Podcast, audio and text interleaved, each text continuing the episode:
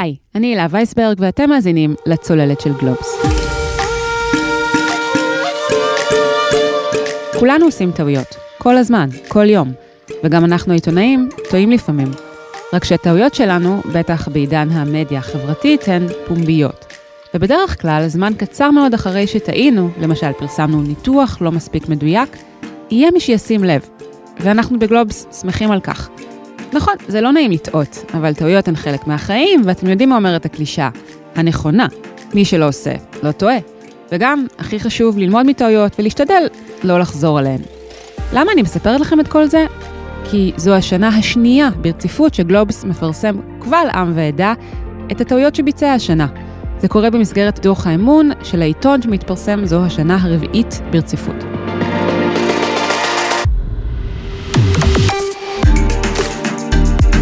אז היום בצוללת ניקח אתכם אל מאחורי הקלעים של גוף התקשורת שבו אנחנו עובדים. נעזור לכם להכיר אותו, את הערכים שמנחים אותו, ונדבר על איפה טעינו ולמה הודעה בטעויות וניתוח שלהן הן חלק די מרכזי ממה שאנחנו מאמינים בו. שלום לזאב חספר, סגן עורכת גלובס. שלום מילה. אז נתחיל מההתחלה. למה בגלובס יש בכלל דוח אמון, קוד אתי, ואילו ערכים, כולל הקוד האתי? אוקיי, אז דוח האמון שמתפרסם עכשיו, זה הפעם הרביעית, mm-hmm. זה מסמך נושם, זו שנה הרביעית, ו- וכל שנה אנחנו מוסיפים לו, מתקנים. משפצרים, כי במכלול, כל הרכיבים בו, זה סוג של המצפן שלנו, mm-hmm. החוזה שלנו בינינו לבין הקוראים והקוראות. הוא כולל בתוכו גם את הקוד האתי שלנו כעיתונאים, וגם אלמנטים של שקיפות, שנוכל לדבר עליהם אולי, ולא פחות חשוב מזה, גם נהלים שמתרגמים הלכה למעשה את כל הסיסמאות הגדולות לחיי היום-יום של העיתון. דוגמה אחת לנהלים זה נוהל הגילוי המלא. אוקיי, okay, מה זה אומר? אה, שזה אומר שאנחנו תמיד משקפים מה עומד מאחורי, מה האינטרסים נניח של כותב מסוים, מה הקשר בינו לבין uh, העיתון, בצורה מאוד ברורה, בולטת בסוף הכתבה.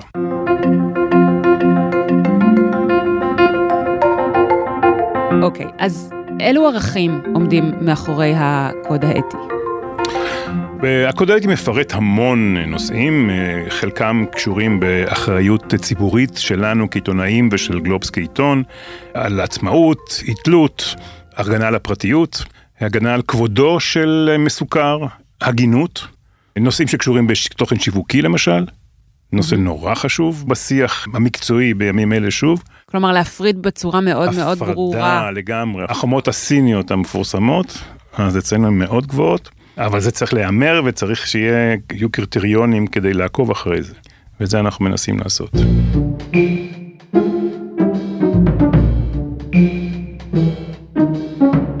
בחרנו להקדיש את הפרק הזה לטעויות. אה, שנינו נמצאים בעיתונות לא מעט שנים, וטעויות הן חלק מהמשחק, והפרוצדורה המקובלת בדרך כלל היא שאם טועים, מפרסמים ככה תיקון, התנצלות קטנים בשולי העיתון, בסוף המהדורה, ובגלובס נעשתה הבחירה השונה, לתת לטעויות ולתיקון שלהן בולטות די גבוהה. למה בעצם? זה חוזר uh, לדברים הקודמים, זה חוזר לנושא האמון. מה שאנחנו מכינים במערכת ומה שמחלקת המינויים מוכרת, זה לא עיתון, אלא זה אמון. זה מה שאנחנו מוכרים לקוראים ולקוראות. לא יכול להיות אמון אם אנחנו לא יודעים לתקן את הטעויות של עצמנו. יש הרבה דרכים להגיע לאמון, אבל זו אחת מהן. היא חשובה, היא בסיסית ביותר. ולכן אנחנו מייחסים לזה המון חשיבות ומקדישים לזה גם אה, מחשבה. כלומר, לא להסתיר. כקריטריון ראשון במעלה. לא רק, אחד, לא להסתיר, שתיים, אה, לתקן ולהתנצל בצורה בולטת, אבל לא פחות חשוב מזה, לנסח את המונח אה, טעות בצורה מאוד רחבה. טעות בעינינו זו לא רק נניח טעות עובדתית, כן, בנתון מסוים, בטבלה מסוימת, וכמובן זה, זה, זה, זה אנחנו מתקנים. בעינינו טעות זה גם לא לממש את החובה הציבורית שלנו, למשל לגיוון, למשל לרגישות למסוכרים שלנו, ואנחנו טועים שם גם, ואנחנו עושים טעויות, אבל קודם כל אנחנו מודעים אליהם ואנחנו מתקנים, ומנסים גם uh, להסיק מזה מסקנות.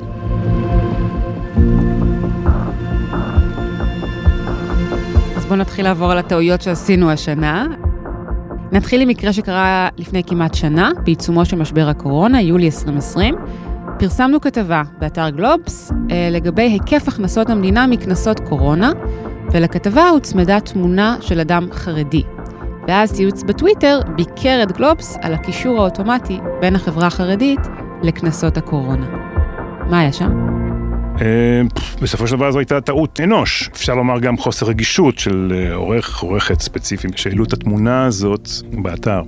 א', קיבלנו מיד את הביקורת מציוץ של, אה, לפי דעתי זה היה איציק סודרי, אם אני לא טועה. זה תוקן בתוך כמה דקות, וגם אה, פרסמנו מיד התנצלות על כך. עכשיו, מעבר לתמונה הספציפית הזאת, זה מסמן משהו, אנחנו משתדלים, לא תמיד בהצלחה, אני מודה, אבל אנחנו לפחות משתדלים ומודעים לזה, לגלות רגישות מאוד גדולה לנושא של צילומים. כי יש אמירה בצילום, יש אמירה גרפית מאוד מאוד ברורה. לצערנו תמונה שווה אלף מילים. כן. אני אומרת את זה כי אנשים כותבים, אבל uh, זו המציאות, זה לגמרי. בסדר. לגמרי. אגב, חלק מהקוד האתי והנהלים שלנו הם בדיוק נוגעים לסוגיה הזאת. למשל, אנחנו בשום פנים ואופן לא מפרסמים תמונות של נאשמים בבית משפט, אלא אם כן זה תמונות ארכיון, סליחה, של נאשמים בבית משפט. אנחנו כמובן נפרסם תמונה מבית משפט, אם זה דיווח על מה שקרה באותו יום, והנאשם צולם בבית המשפט. אבל כשנספר עליו אחר כך בהמשך, בוודאי ובוודאי בטרם הוא הורשע, אבל גם אחר כך. אנחנו לא נשתמש בתמונה מבית המשפט שרואים אותו בשיא השפלתו ולא משנה מי הוא. וזה נוגע כמובן גם לסוגיות של גיוון וזהירות לא לצבוע מגזר כזה או אחר. אני חושב שכמו בכל מקצוע, צריך להיות בני אדם. אנחנו מצפים שרופא יהיה בן אדם ורופאה תהיה בת אדם. ושעורכי דין ושגם קבלנים וכולם שיהיו בני אדם בקשר שלהם אל הציבור שאותו הם משרתים. אז בוודאי ובוודאי אנחנו כעיתונאים, וגלובס כעיתון, וכל עיתון וכל תחנת טלוויזיה, או תחנת רדיו, או אתר אינטרנט, קודם כל אנחנו צריכים להיות בני אדם. וזה לא סותר את היכולת שלנו להיות אכן נשכניים, ביקורתיים, ולא פחות חשוב, מדויקים.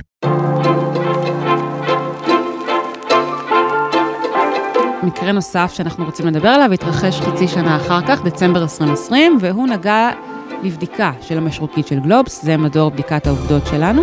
זו הייתה בדיקה שמיפתה את חברי הכנסת שביקשו בעבר חסינות, ולא כללה את חבר הכנסת חיים כץ מהליכוד. כן. מה קרה שם? האמת היא שזו טעות פשוטה, זאת אומרת, זו השמטה פשוטה. זו טעות, כן? מה שנקרא, באמת זה יכול לקרות. אין כאן איזה זדון או ניסיון לעוות את המציאות. אנחנו מפרסמים את זה כי זה נוגע לגוף הפנימי בגלובס, המשרוקית, שחלק מתפקידו המהותי זה אה, ביקורת. אה, והוא טעה, אז הוא גם מתנצל, ידע להתנצל. משרוקית זה גוף אה, נורא ייחודי בעיתונות הישראלית, כי הוא בעצם זוכה לעצמאות מהמערכת העיתונאית, זאת אומרת, הוא לא כפוף לאף אחד, ובתור שכזה יש לו מנדט אה, רחב מאוד, אבל אם הוא טועה, הוא מתנצל. בעצם בשני המקרים האלה, איתור הטעות הגיע מעוקבים בטוויטר, וזה אומר שעיתונאים נמצאים כיום יותר מתמיד תחת עין ציבורית בוחנת מאוד, אה, וגם שחוכמת ההמונים מוכיחה את עצמה. זאת אומרת, אם אתה טועה, בסופו של דבר זה, זה יצא החוצה ואפילו מהר מאוד.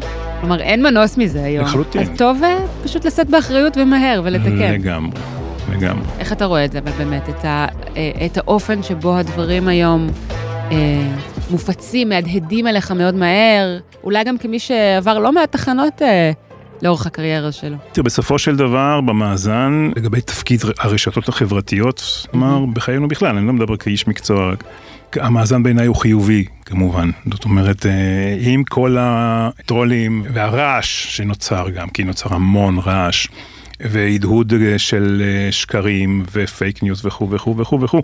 בסופו של דבר, אני מעדיף עולם עם רשתות חברתיות מאשר בלעדיהן, ולנושא שלנו היום ללא ספק, זה כלי של בקרה, בקרת איכות עלינו, יוצא מן הכלל.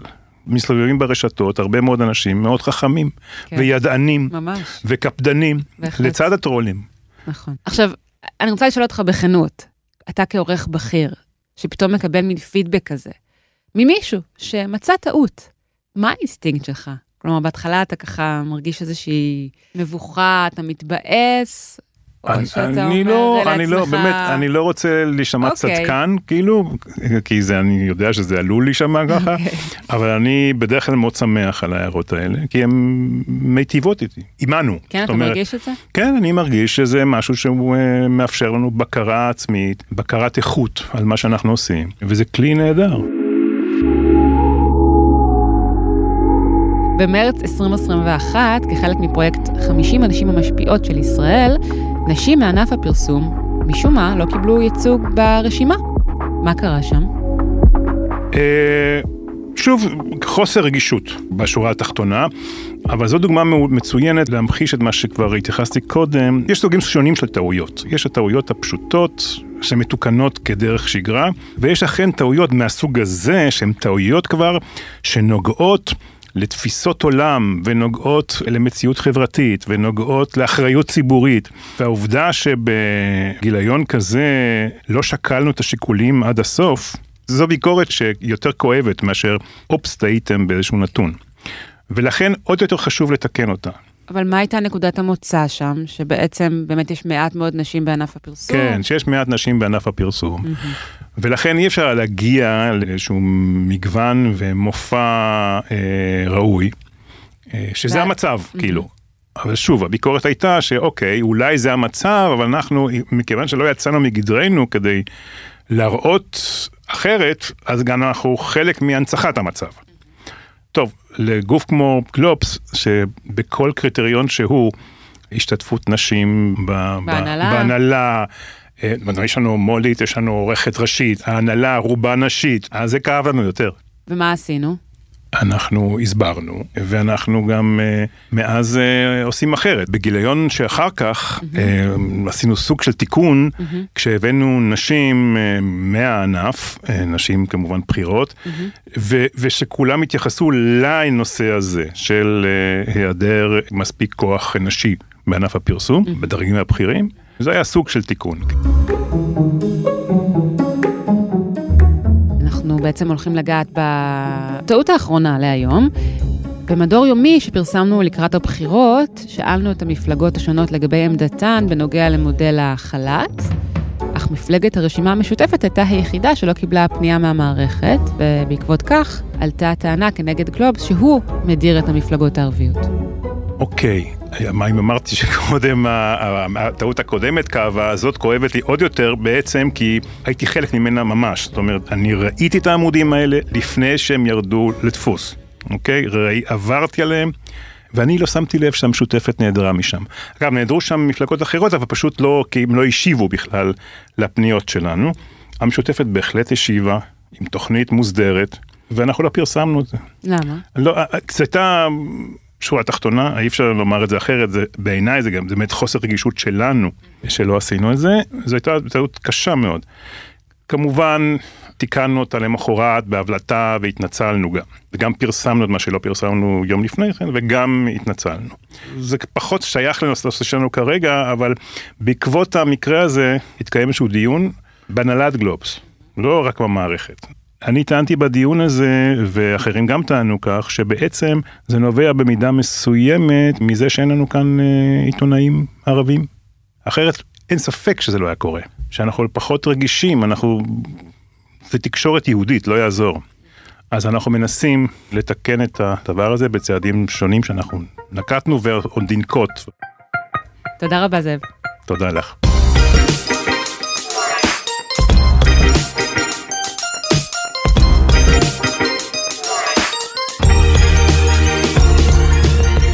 עכשיו נעבור לקרן גולדנברג, עורכת דוח האמון 2021, כדי לשמוע ממנה אילו תכנים כלולים בדוחות האמון של גלובס, וכיצד הדוח השנה שונה מקודמיו.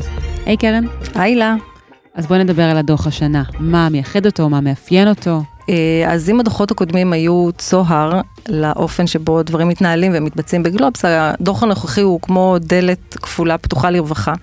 העמקנו את הידע והמידע שאנחנו משקפים לציבור הקוראות והקוראים שלנו, טעויות שעשינו בשנה האחרונה, יעדים מול תוצאות, אם זה למשל בגיוון אה, טורי דעה.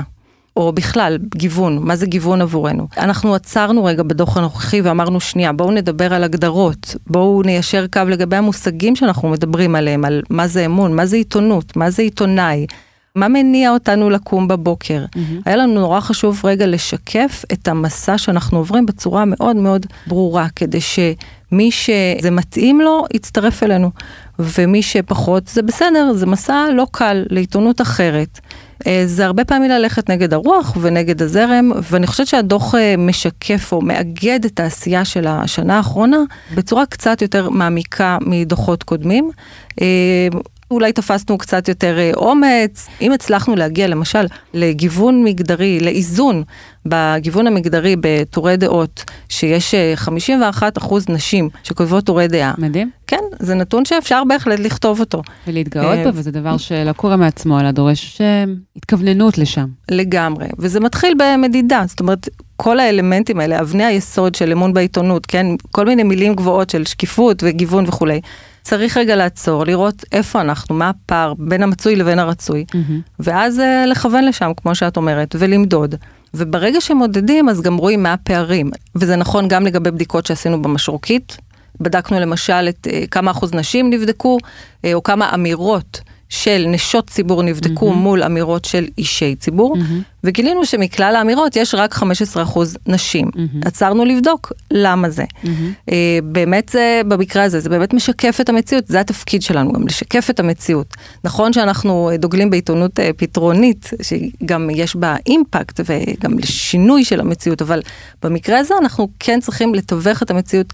כמו שהיא, ולכן המשרוקית בעצם שיקפה את המציאות. אבל עצם זה שעצרנו ומדדנו ובדקנו, mm-hmm. וזה גם, כן, נותן לנו איזשהו אה, כיוון לשנה הבאה. זאת אומרת, להמשיך לבדוק את עצמנו. תודה רבה, קרן. תודה, הילה.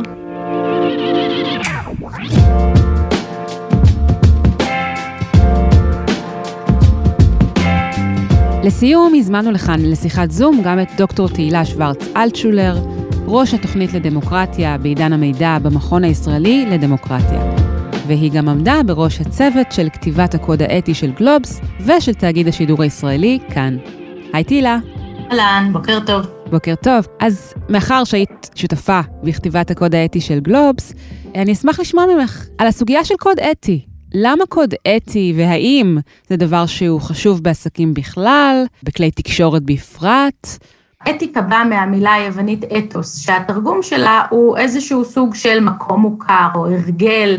לאט לאט המילה הזאת, אתוס, התפתחה כדי לשקף את מכלול האמונות והרעיונות שמנחים, אולי שמשקפים התנהלות של חברה. ושל החברים או הפרטים שחברים באותה חברה, והחברה הזאת יכולה להיות אה, קהילה, היא יכולה להיות פרופסיה, היא יכולה להיות גם חברה מסחרית. והעניין הזה של האתוס בתור מה שמשקף את המוסר, את ההדר, את הטוב, שנותן את הדבר הנוסף, או את המעגל הנוסף על פני הלוגוס, כן, על פני ההיגיון, על פני התבונה, כל זה מיועד, אם להיות אה, קצת אה, צינית, למנוע את הכאוס, שאותו אנחנו מבינים אה, בעצמנו כבר.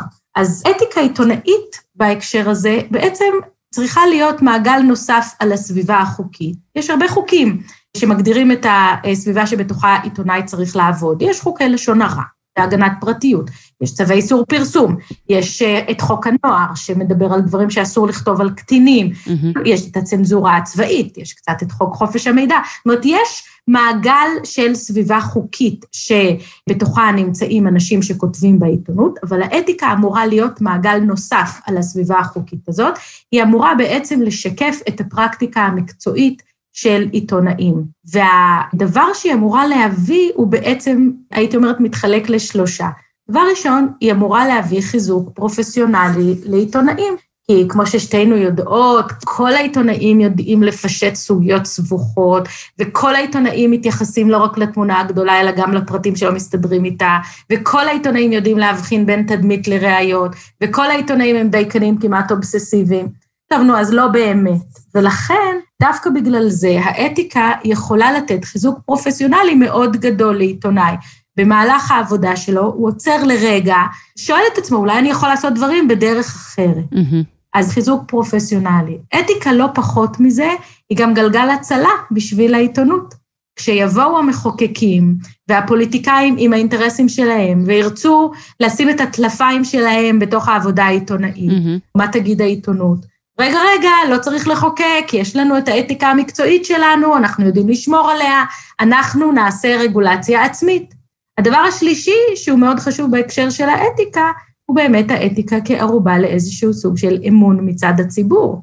כשאנחנו אומרים, הפרקטיקה שבה אנחנו עובדים חשובה לנו, אנחנו מסתכלים גם עליה, לא רק על התוצרים של העבודה, על הדרך שבה הגענו אל הדברים, mm-hmm. שאנחנו אומרים, אנחנו מוכנים לתקן טעויות, כשאנחנו טועים אנחנו אפילו מתנצלים, או אכפת לנו מפרטיות של קורבנות עבירה, אכפת לנו מפרטיות או מהשם הטוב של אנשים שנמצאים רק בתחילת ההליך הפלילי mm-hmm. שלהם. אנחנו רוצים להראות לציבור תמונה מלאה ואנחנו נספר ביושר שאין לנו את התמונה הזאת. כל הכללים האלה בעצם אמורים לתת או לייצר את החוזה שבין העיתונאים לבין הציבור.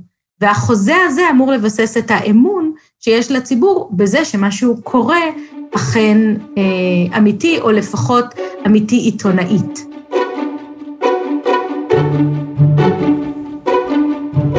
יש אה, לא מעט דיונים סביב סוגיית האמת. מהי אמת? האם יש אמת? וזה דיון מאוד סוער ותוסס, אה, במיוחד בעולם העיתונות והתקשורת. איך את רואה את זה? אני חושבת שזה מאוד קשור באמת לכל העולם הזה של כדאיות בדיקת העובדות. Mm-hmm. עוד לפני מדברים על היעילות של בדיקת העובדות, אנחנו מדברים על הכדאיות. אמ, יש אנשים שאומרים, זה לא שאין זמן או שאין כסף לבדוק אה, עובדות, זה ממילא אי אפשר לבדוק עובדות, כן? יש אנשים שמפקפקים בעצם הקיום של מציאות שאפשר לברר אותה. יש אנתרופולוג מפורסם, קליפורד גירץ, שקרא לזה פעם היפוכונדריה אפיסטמולוגית. סליחה על הביטוי המצחיק הזה, אבל הכוונה שלו הייתה בעצם לאיזשהו סוג של חוסר ודאות כפייתי, חוסר ודאות פתולוגי שמחלחל לתוך השיח. אין אמת אחת, אין עיתונאים אובייקטיביים, מעל הכל אין דבר כזה עובדות, ולכן אין בכלל טעם להשקיע בדבר הזה. ואני אה, אה, מנסה להגיד כל הזמן, תראו, חדשות ואמת הן לא זהות. צריך להבחין ביניהם, וצריך לדעת את, ה, אה, את ההבחנה ביניהם, אבל צריך בעצם לפעול מתוך תודעה של ספקות, כן? כשיום עבודה עיתונאי, יש סדרת ניסויים בהעלאת ספקות. אני יכול להאמין לאיש הזה? למה הוא בא עם המידע הזה עכשיו? מה האינטרס של מי שמציע לי את המידע? לעשות עבודה עיתונאית, אתית, עבודה עיתונאית מקצועית, בעיניי זה לא לכפור בעצם היכולת לברר את האמת, אלא זה באמת לקחת את הספקנות הזאת וממנה לצאת למסע הזה. אני לא חושבת שאת התפיסה הזאת של אי אפשר לברר את העובדות, כן, או אין דבר כזה אמת, אנחנו יכולים לאמץ. זו תפיסה בעיניי עצלנית יותר מהכל. אנחנו צריכים לעשות מאמץ ולהיות מודעים גם למגבלות שלה. רציתי לשאול אותך אם את חשה בכלל לגבי פרופסיית העיתונות, אם יש איזשהו מקום שעיתונאים נוטים ליפול בו בהיבט הזה של טעויות, ואני שואלת את זה גם אגב אחת הטעויות שפירטנו בדוח, שנוגעת לכך שדיברנו על קנסות שניתנו בגלל uh, עבירות קורונה למיניהן, לוותה בעצם לידיעה הזו תמונה של אדם חרדי. אז את יודעת, אם זה דבר ש, שלא פעם נופלים בו תיוגים כאלה ואחרים, או משהו אחר. אני חושבת שצריך להסתכל על השאלה הזאת באמת באיזה מקום של reverse engineering, כן? של הנדסה לאחור.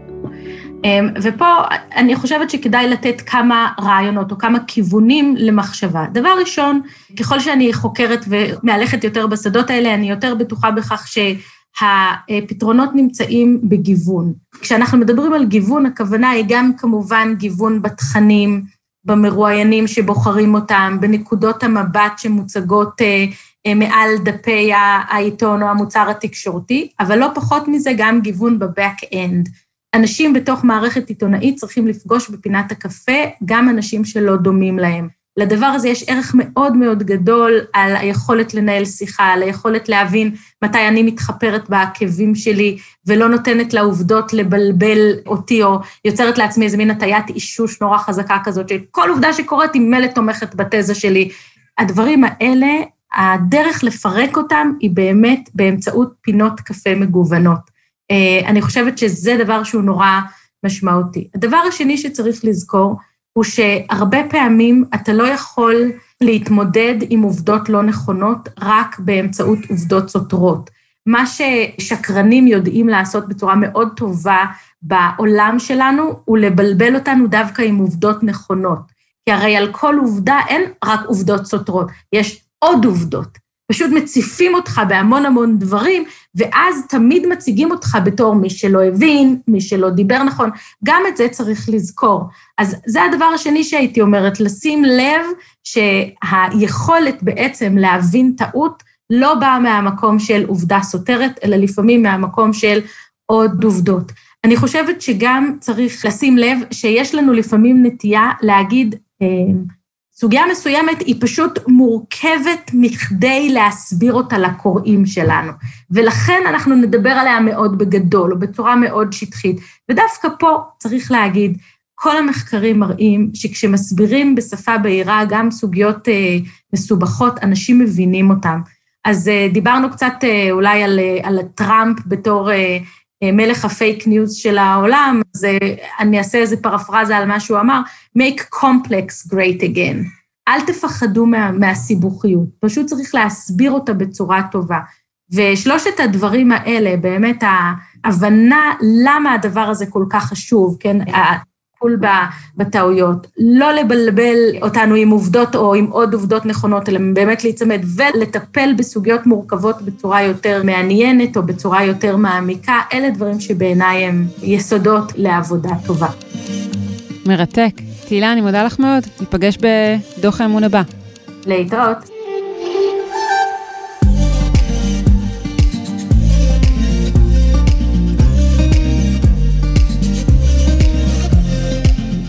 כאן עוד פרק של הצוללת. אתם יכולים למצוא אותנו באתר גלובס, בספוטיפיי או בכל אפליקציית פודקאסטים, ונשמח אם תדרגו אותנו גבוה באפל פודקאסט, ואתם מוזמנים לשלוח את הפרק לחברה או חבר שעוד לא שמעו עלינו. וגם, אתם מוזמנים להאזין לעוד פרק שפרסמנו השבוע בצוללת, שיגעון הנדל"ן לא מפסיק, בהגשת אורי פסובסקי.